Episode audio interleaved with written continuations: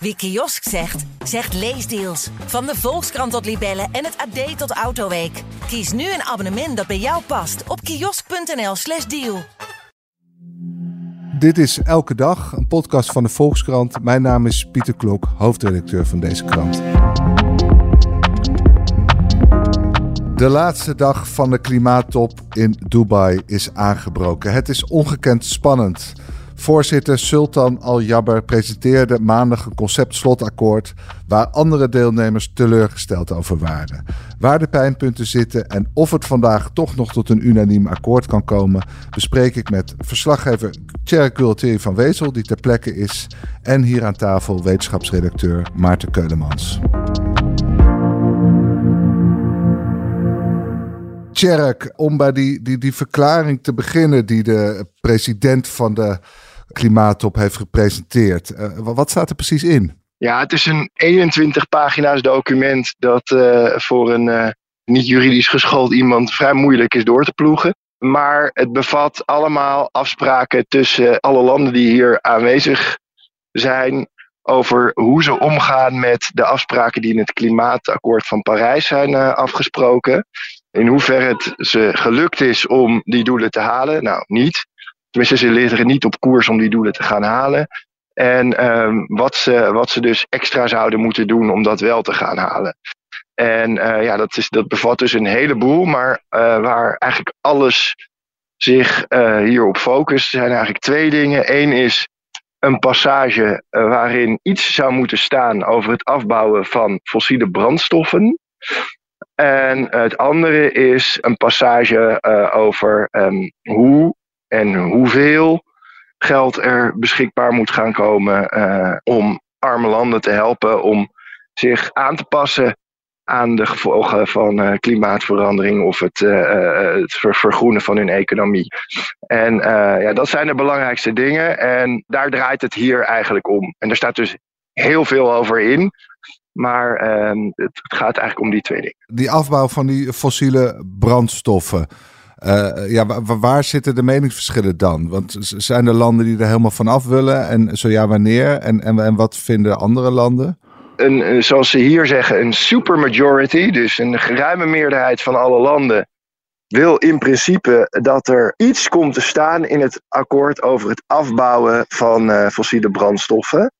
Dat ligt wel een beetje gevoelig, want bijvoorbeeld zelfs de Europese Unie wil ook niet de harde tekst in principe helemaal afbouwen in 2050. Want er is toch het idee dat dat eigenlijk niet zomaar kan. Dat er nog steeds onderdelen van de economie zullen zijn die je niet zonder fossiele brandstoffen in leven houdt, maar die wel essentieel zijn. Zoals met name onderdelen van de industrie, maar misschien ook wel de luchtvaart.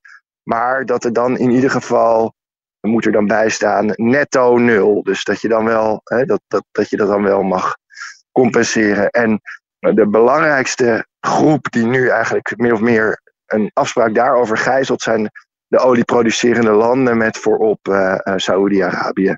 En die willen eigenlijk, hebben ze gezegd, liever niks over fossiele brandstoffen. En in het stuk dat dus gisteren naar buiten is gekomen, stond een prachtige passage die helemaal in lijn leek met wat de uh, Europese Unie wil. Dus ik, ik dacht, nou, die hebben hun zin gekregen. Maar uit de ophef die er dan ontstaat. En dan gaan er echt werken, want er zijn hier 3000 journalisten en die stormen allemaal naar buiten. En die gaan om een paar NGO's staan die die, die, die verklaring hebben gespeedread. En die zeggen, nou, als dit er komt te staan, dan is het een complete failure. En ik stond nog naar die passage te kijken, dus ik, maar het ziet toch goed uit. Maar ik had niet begrepen, of nog niet eroverheen gekeken, dat daarvoor, en dat hebben zij natuurlijk direct gezien, staat dat, dit, dat deze opties de, uh, voorafgaan door de uh, zin could kunnen. Dus alles wat de westerse landen hier willen, dat is naast afbouw van fossiele brandstoffen, daar een passage over ook het verdrievoudigen van uh, uh, duurzame energiecapaciteit in uh, de wereld tot 2030 en het verdubbelen van het energiebesparing elk jaar tot 2030. Ehm, Allemaal dat soort dingen zijn er eigenlijk meer ingezet als een optie van ja, dit zou je allemaal wel kunnen doen als je anderhalve graad in, uh, in zicht wil houden. Ja, dat, dat ervaren heel veel landen echt als een klap in hun gezicht dat het op die manier is opgeschreven. En was dus ook de, de heftigste reactie kwam van de kleine eilandstaten. Dat, hier, dat gaat om niet heel veel mensen, maar wel mensen die echt voor een groot gedeelte echt door klimaatbeleid gewoon in hun leven worden bedreigd. Of die door klimaatverandering. Die zeiden van ja, wij zijn, wij zijn hier niet om ons doodvonnis te tekenen. Dat vond ik toch wel de, ja, dat was toch wel de heftigste tekst daarover. En onze eigen eurocommissaris uh, Wopke Hoekstra, hoe heeft die gereageerd? Ja, die waren ook uh, echt uh, not amused. Die zeiden eigenlijk dat het onacceptabel waren, was.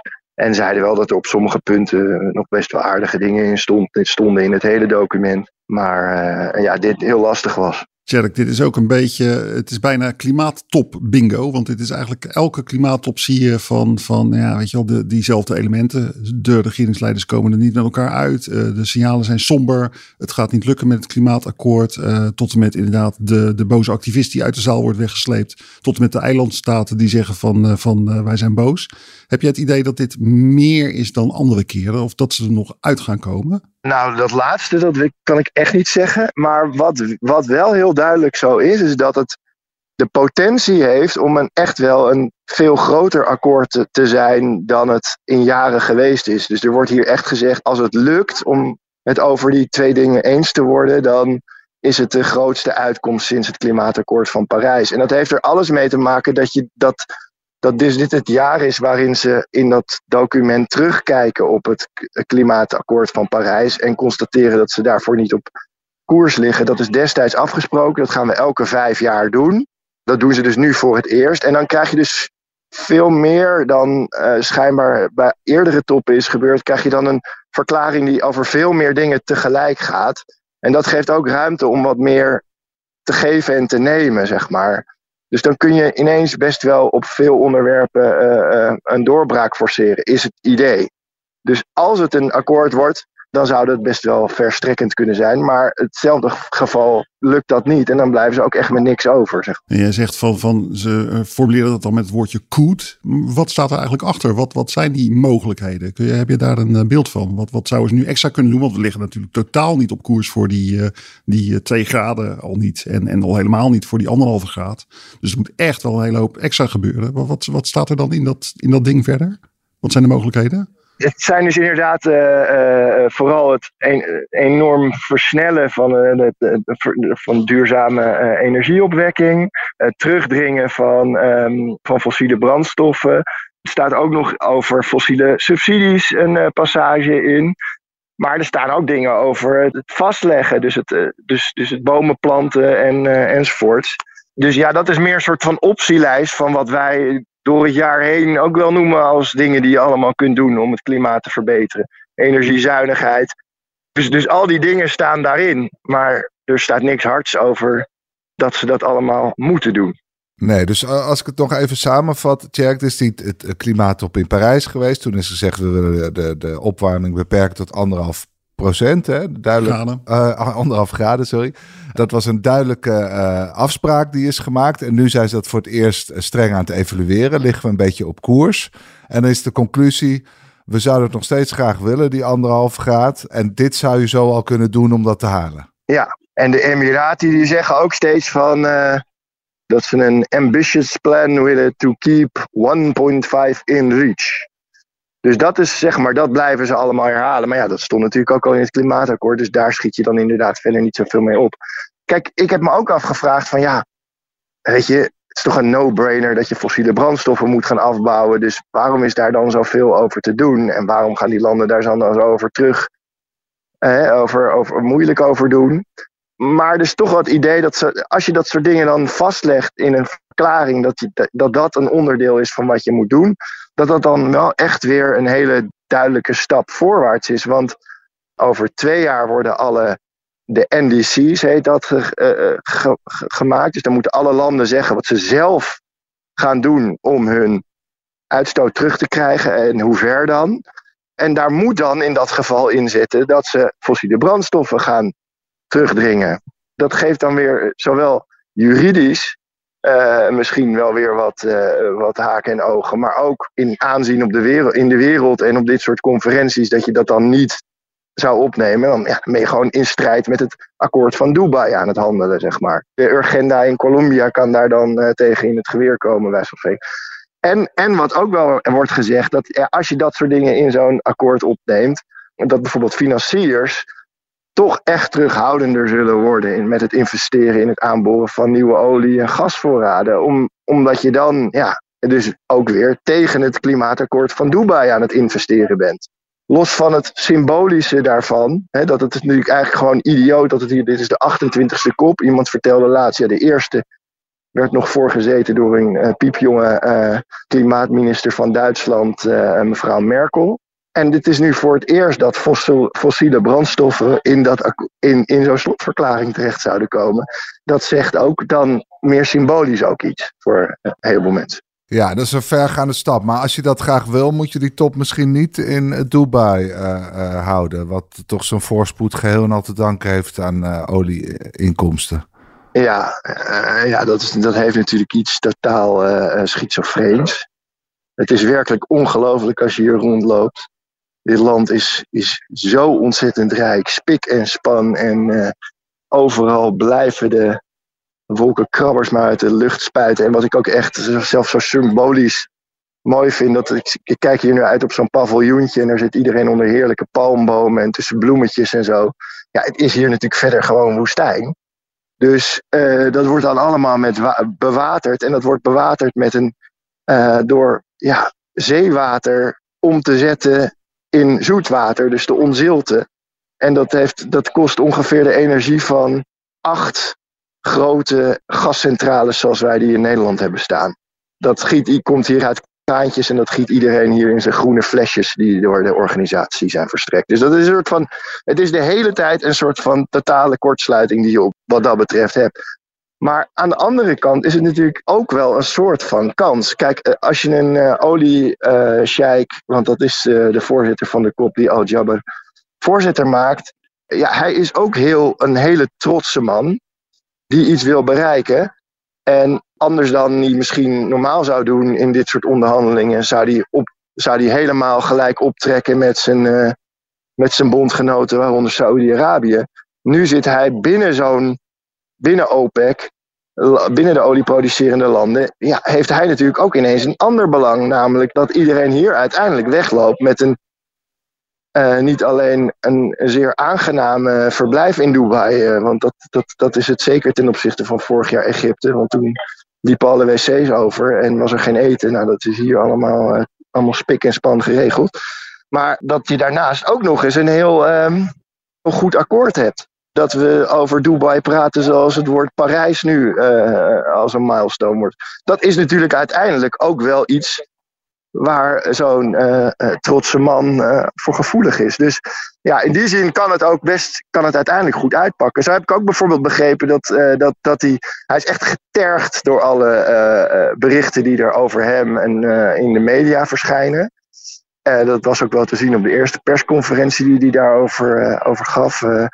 En dat maakt ook dat hij een soort van drive voelt om, om al die, al die eh, verschrikkelijke westerse media, want daar moeten ze hier best wel aan wennen, vrije pers, dan maar te bewijzen dat ze gewoon uh, inderdaad leugens schrijven. En dan kan hij misschien ook die oliestaten makkelijker meenemen dan dat dat een westerse milieuminister was geweest. Ja, dat, hij heeft daar eh, denk ik wel uh, meer impact dan als Rob Jette de voorzitter was geweest, uh, kunnen we denk ik stellen. Dus hij gaat, hij gaat proberen om. Ja, die koet, die, die koetformulering is, is te zwak. Dus hij gaat nu nog proberen of hij toch nog een formulering kan bedenken die. Uh, die iedereen een beetje tevreden stelt. Dus dat, en dat er toch meer druk komt, ook op de olieproducerende landen, om ermee te stoppen. Ja. Tjak, jij vertelde in het voorgesprek dat eigenlijk het, het, bijzo- het meest bijzondere van zo'n top is dat de hele wereld aanwezig is en alle perspectieven op het klimaatprobleem daarmee ook. Hè. Je had vandaag in de krant ook een aantal uh, geïnterviewd, iemand uit Oeganda, iemand uit uh, uh,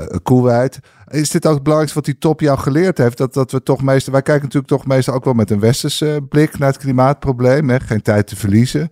Terwijl ze in de rest van de wereld, bijvoorbeeld Oeganda, heeft nog steeds olievoorraden. En die denken, ja, mogen wij die ook eerst nog even verkopen voordat we uh, uh, hier definitief mee stoppen. En, en jullie in het Westen hebben eeuwenlang enorm veel kooldioxide uitgestoten, mogen wij nu ook even. heeft het jouw blik op, op het klimaatprobleem veranderd? Ja, het is in, in, in heel veel opzichten toch wel een hele verrijkende ervaring om hier te zijn, ja, denk ik. Kijk, om te beginnen, ik, ik zag er wel een beetje tegenop, zoals denk ik veel mensen in mijn omgeving denken van wat is dit voor een idioot evenement waar tienduizenden mensen uh, met Emirates invliegen naar een, naar een oliestaat om het over het klimaat te hebben.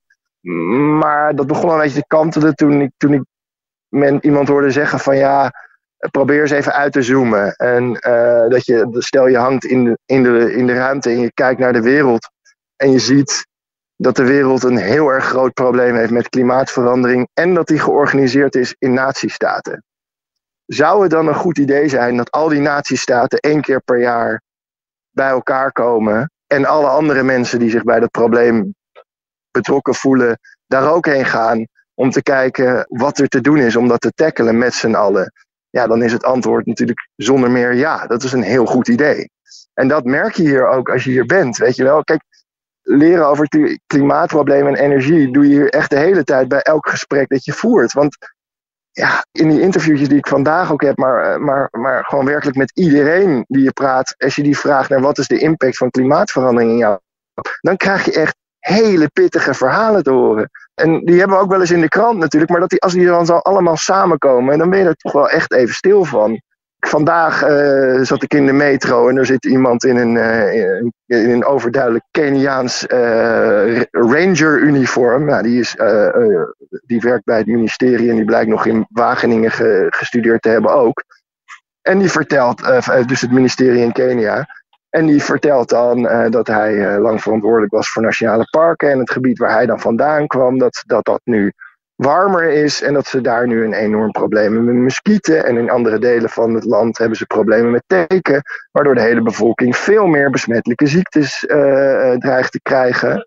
En hoe ze dat dan weer moeten, uh, moeten regelen. Nou, en dat in, dat in hun nationale parken veel te weinig water is. Dat, dat de wilde dieren nu ineens allemaal het park uitwandelen de hele tijd. Wat ook weer allemaal zorgen geeft om, om de mensen en die dieren. Ja, dus allemaal dat soort verhalen die stapelen zich op. En ik vond bijvoorbeeld, voor de mensen die ik vanmorgen sprak, ja, vind ik dan zo'n gesprek met iemand uit Kuwait, ondanks de hallucinant rare dingen die hij zegt over dat het zo'n succes is met de 160 huizen in Kuwait die inmiddels zonnepanelen hebben. Dat je echt denkt van, yo, als er één land is waar jullie die dingen gewoon massaal op je dak moeten leggen, dan is het toch wel Kuwait. Maar goed, dat zij gewoon elke zomer, vroeger, uh, vroeger hadden ze in de, in toch al vrij lange en hete zomers zo'n vier of vijf keer per jaar dat het boven de 50 graden was. Nu 50. En hij zei, ja, onze huizen zijn ovens als we geen airconditioning hebben. De gelijktijdigheid van al die verhalen op één plek is eigenlijk zo indrukwekkend. Je kent de losse verhalen wel, die hebben we ook gebracht. Maar dat ze, eh, dat ze één keer per jaar op één plek aanwezig zijn en ook al die verschillende perspectieven, dat, dat maakt zo'n top extra krachtig. Ja, en ik denk, ik vind het ook heel intrigerend. Kijk, het, heeft ook gewoon natuurlijk ook enorme economische impact en zo. We hebben vandaag ook weer zo'n stuk in de krant over het Panama-kanaal waar je dan niet doorheen kan. En dat is, dat is opgedroogd. En uiteindelijk is er dan degene die daar het meest voor betaalt, is een olietanker. Dat soort is dezelfde soort kortsluiting die je daar natuurlijk van krijgt. Uh, die, die betaalt zoveel dat hij voor mag, die olietanker. Maar ja, dit soort economische schade eh, en de enorme emotionele schade aan, aan het, die gaat natuurlijk steeds zwaarder wegen. Dat besef je hier gewoon ook weer. Uh, op een gegeven moment zijn die landen natuurlijk ook gewoon klaar met die olie, oliestaten. Dat die, dat die hun economische belang zo voorop uh, blijven stellen. Want, het, want de schade aan in zoveel landen, zowel in, in, het, in het dagelijks leven van mensen en in de economie, is gewoon enorm dat ervaar ik wel heel erg. Dat ik denk van ja, misschien mislukt die top wel. Maar de druk van dit probleem is wel zo groot. Dat gezegd hebbende is het natuurlijk ook wel, weet je wel, wat, wat, wat, ook hier soort van, zeker bij de Europese Unie wel en, en, en de Amerikanen, ook de urgentie voedt om hier snel tot iets te komen, is dat, dat zij natuurlijk tegelijkertijd in hun eigen land merken dat er ook steeds meer weerstand is tegen klimaatbeleid. Kijk, de onderhandeling nou, onderhandelaar namens de VS die hier rondloopt is Kerry. Ja, dat is een van de drijvende krachten achter het akkoord van Parijs. Die vecht hier echt voor zijn legacy, zeg maar. En die weet ook, volgend jaar kan het zomaar zijn dat we weer met een president Trump zitten en dat er misschien niet eens een delegatie gestuurd wordt namens de VS.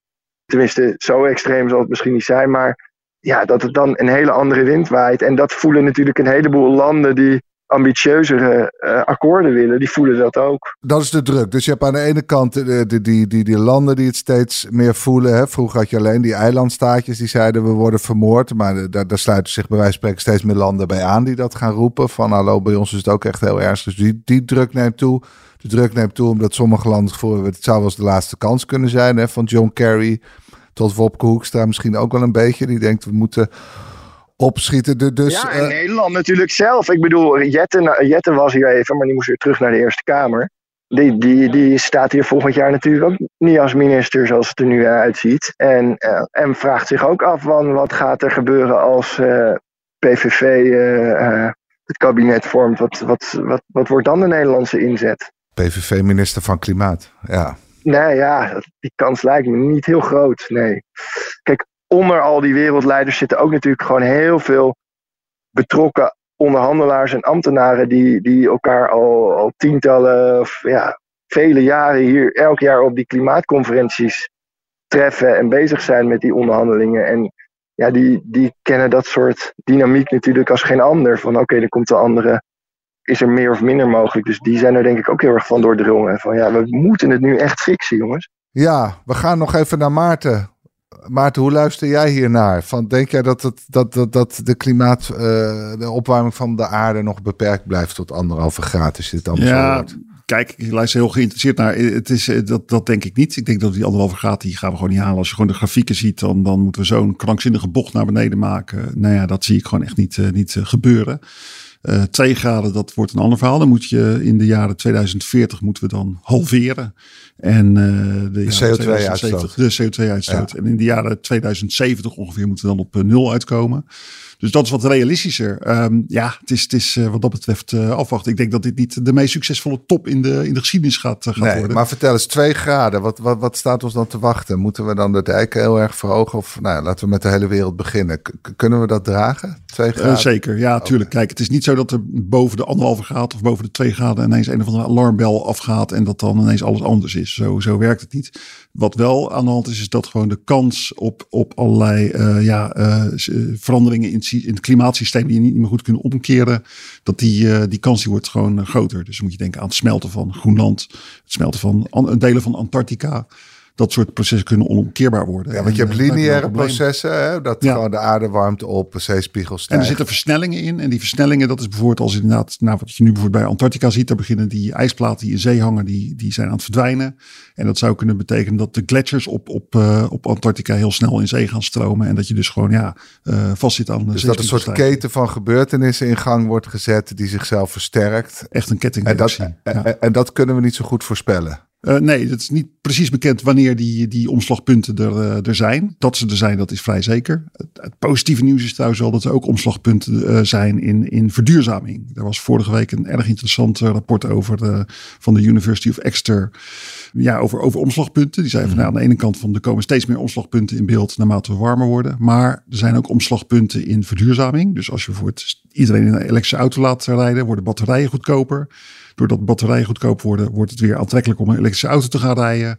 Enzovoort. Dus, dus je ziet ook aan die kant ja. zelfversterkende uh, processen. Je ziet het een beetje in Nederland ook met zonnepanelen op het dak. Ja, ja. je bent onderhand wel echt, als je een eigen huis hebt, eh, dan, dan is het toch wel echt heel modieus om een zonnepaneel op je dak te hebben. En als je dat niet doet, dan hoor je er niet meer echt bij.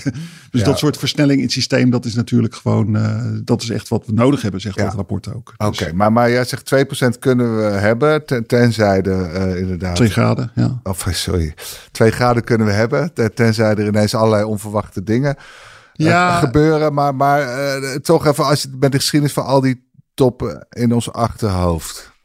Wat, wat denk je, is de wereld in staat? Nou, en als je Tjerk zo hoort met, met hoe de meningsverschillen lopen, is de wereld in staat om, om, om die twee graden te halen? Of? Het is heel ingewikkeld. Kijk, we zitten wel een beetje vast in een soort rituele dans. Uh, het idee was altijd, in de jaren tachtig is dat een beetje geboren uit de gedachte van het, uh, van het akkoord van Montreal tegen het gat in de ozonlaag. Was het idee van, oh ja, de wetenschap constateert er is een probleem. Dan gaan alle landen gaan bij elkaar komen, die gaan erover vergaderen. En dan is er een oplossing voor het probleem. En dan besluiten alle landen van, we gaan het probleem aanpakken. En uh, nou, dan uh, probleem opgelost. Dat is een beetje zoals het ging met de drijfgassen die verantwoordelijk waren voor het gat in de ozonlaag. Ja, en sindsdien is dat eigenlijk voor CO2 is dat heel moeilijk. Want bij alles wat we doen stoten we CO2 uit en andere broeikasgassen. En uh, sindsdien zitten we een beetje vast in die plaat. Hè. Telkens komt de IPCC weer met een nieuw rapport. Nog urgenter, nog dwingender. Er komt weer een conferentie. Regeringsleiders kijken elkaar goed aan. En uh, ja, uh, wordt er weer niet genoeg gedaan om het probleem aan te pakken. Tegelijkertijd is het natuurlijk wel zo dat er ook wel degelijk positieve dingen gebeuren. En dat we wel degelijk gewoon af zijn van die hele dramatische scenario's van 5 graden opwarming aan het eind van de eeuw. Wat echt heel rampzalig zou zijn. Het is voor het eerst in zicht dat we onder de 2 graden kunnen blijven. En wat mij op, aan Cherks verhaal ook erg opvalt, ja, die mensen uit, uit Kenia, uh, de kritiek daarop is natuurlijk wel dat iedereen nu ook zijn probleem ziet als klimaatprobleem. Hè? Dat ja. moet je rekening mee houden. Er zijn, om een indruk te geven, India is dit jaar getroffen door enorme uh, weerextremen. Uh, ja. Eerst hagel, daarna onwijs hittegolven. Toch hadden ze een recordoogst. Ze hebben nog nooit zoveel, zo'n hoge oogst gehad.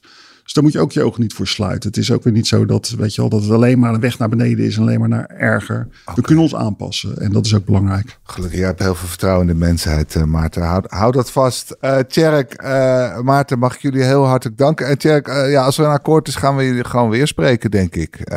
want het is interessant genoeg. Ik heb zo'n gevoel dat het nog wel even kan duren. Het had er vandaag, op dit moment had het top officieel afgelopen moeten zijn. Maar... Ook dat is een van de klimaatbingo, dat het tot, tot op het allerlaatste moment doorgaat, tot diep in de nacht. En dan komen ze heel vermoeid naar buiten met een resultaat waar iedereen dan toch heel trots op is. Met, met iets, ja. Ja, nee, precies. Dat, dat, dat heb ik van mijn voorgangers ook altijd gelopen. Dus iedereen is vandaag ook laat uh, opgestaan om het, uh, om het allemaal mee te gaan maken straks, het circus. Om het lang vol te houden. Nou, sterkte daar. Oké. Okay.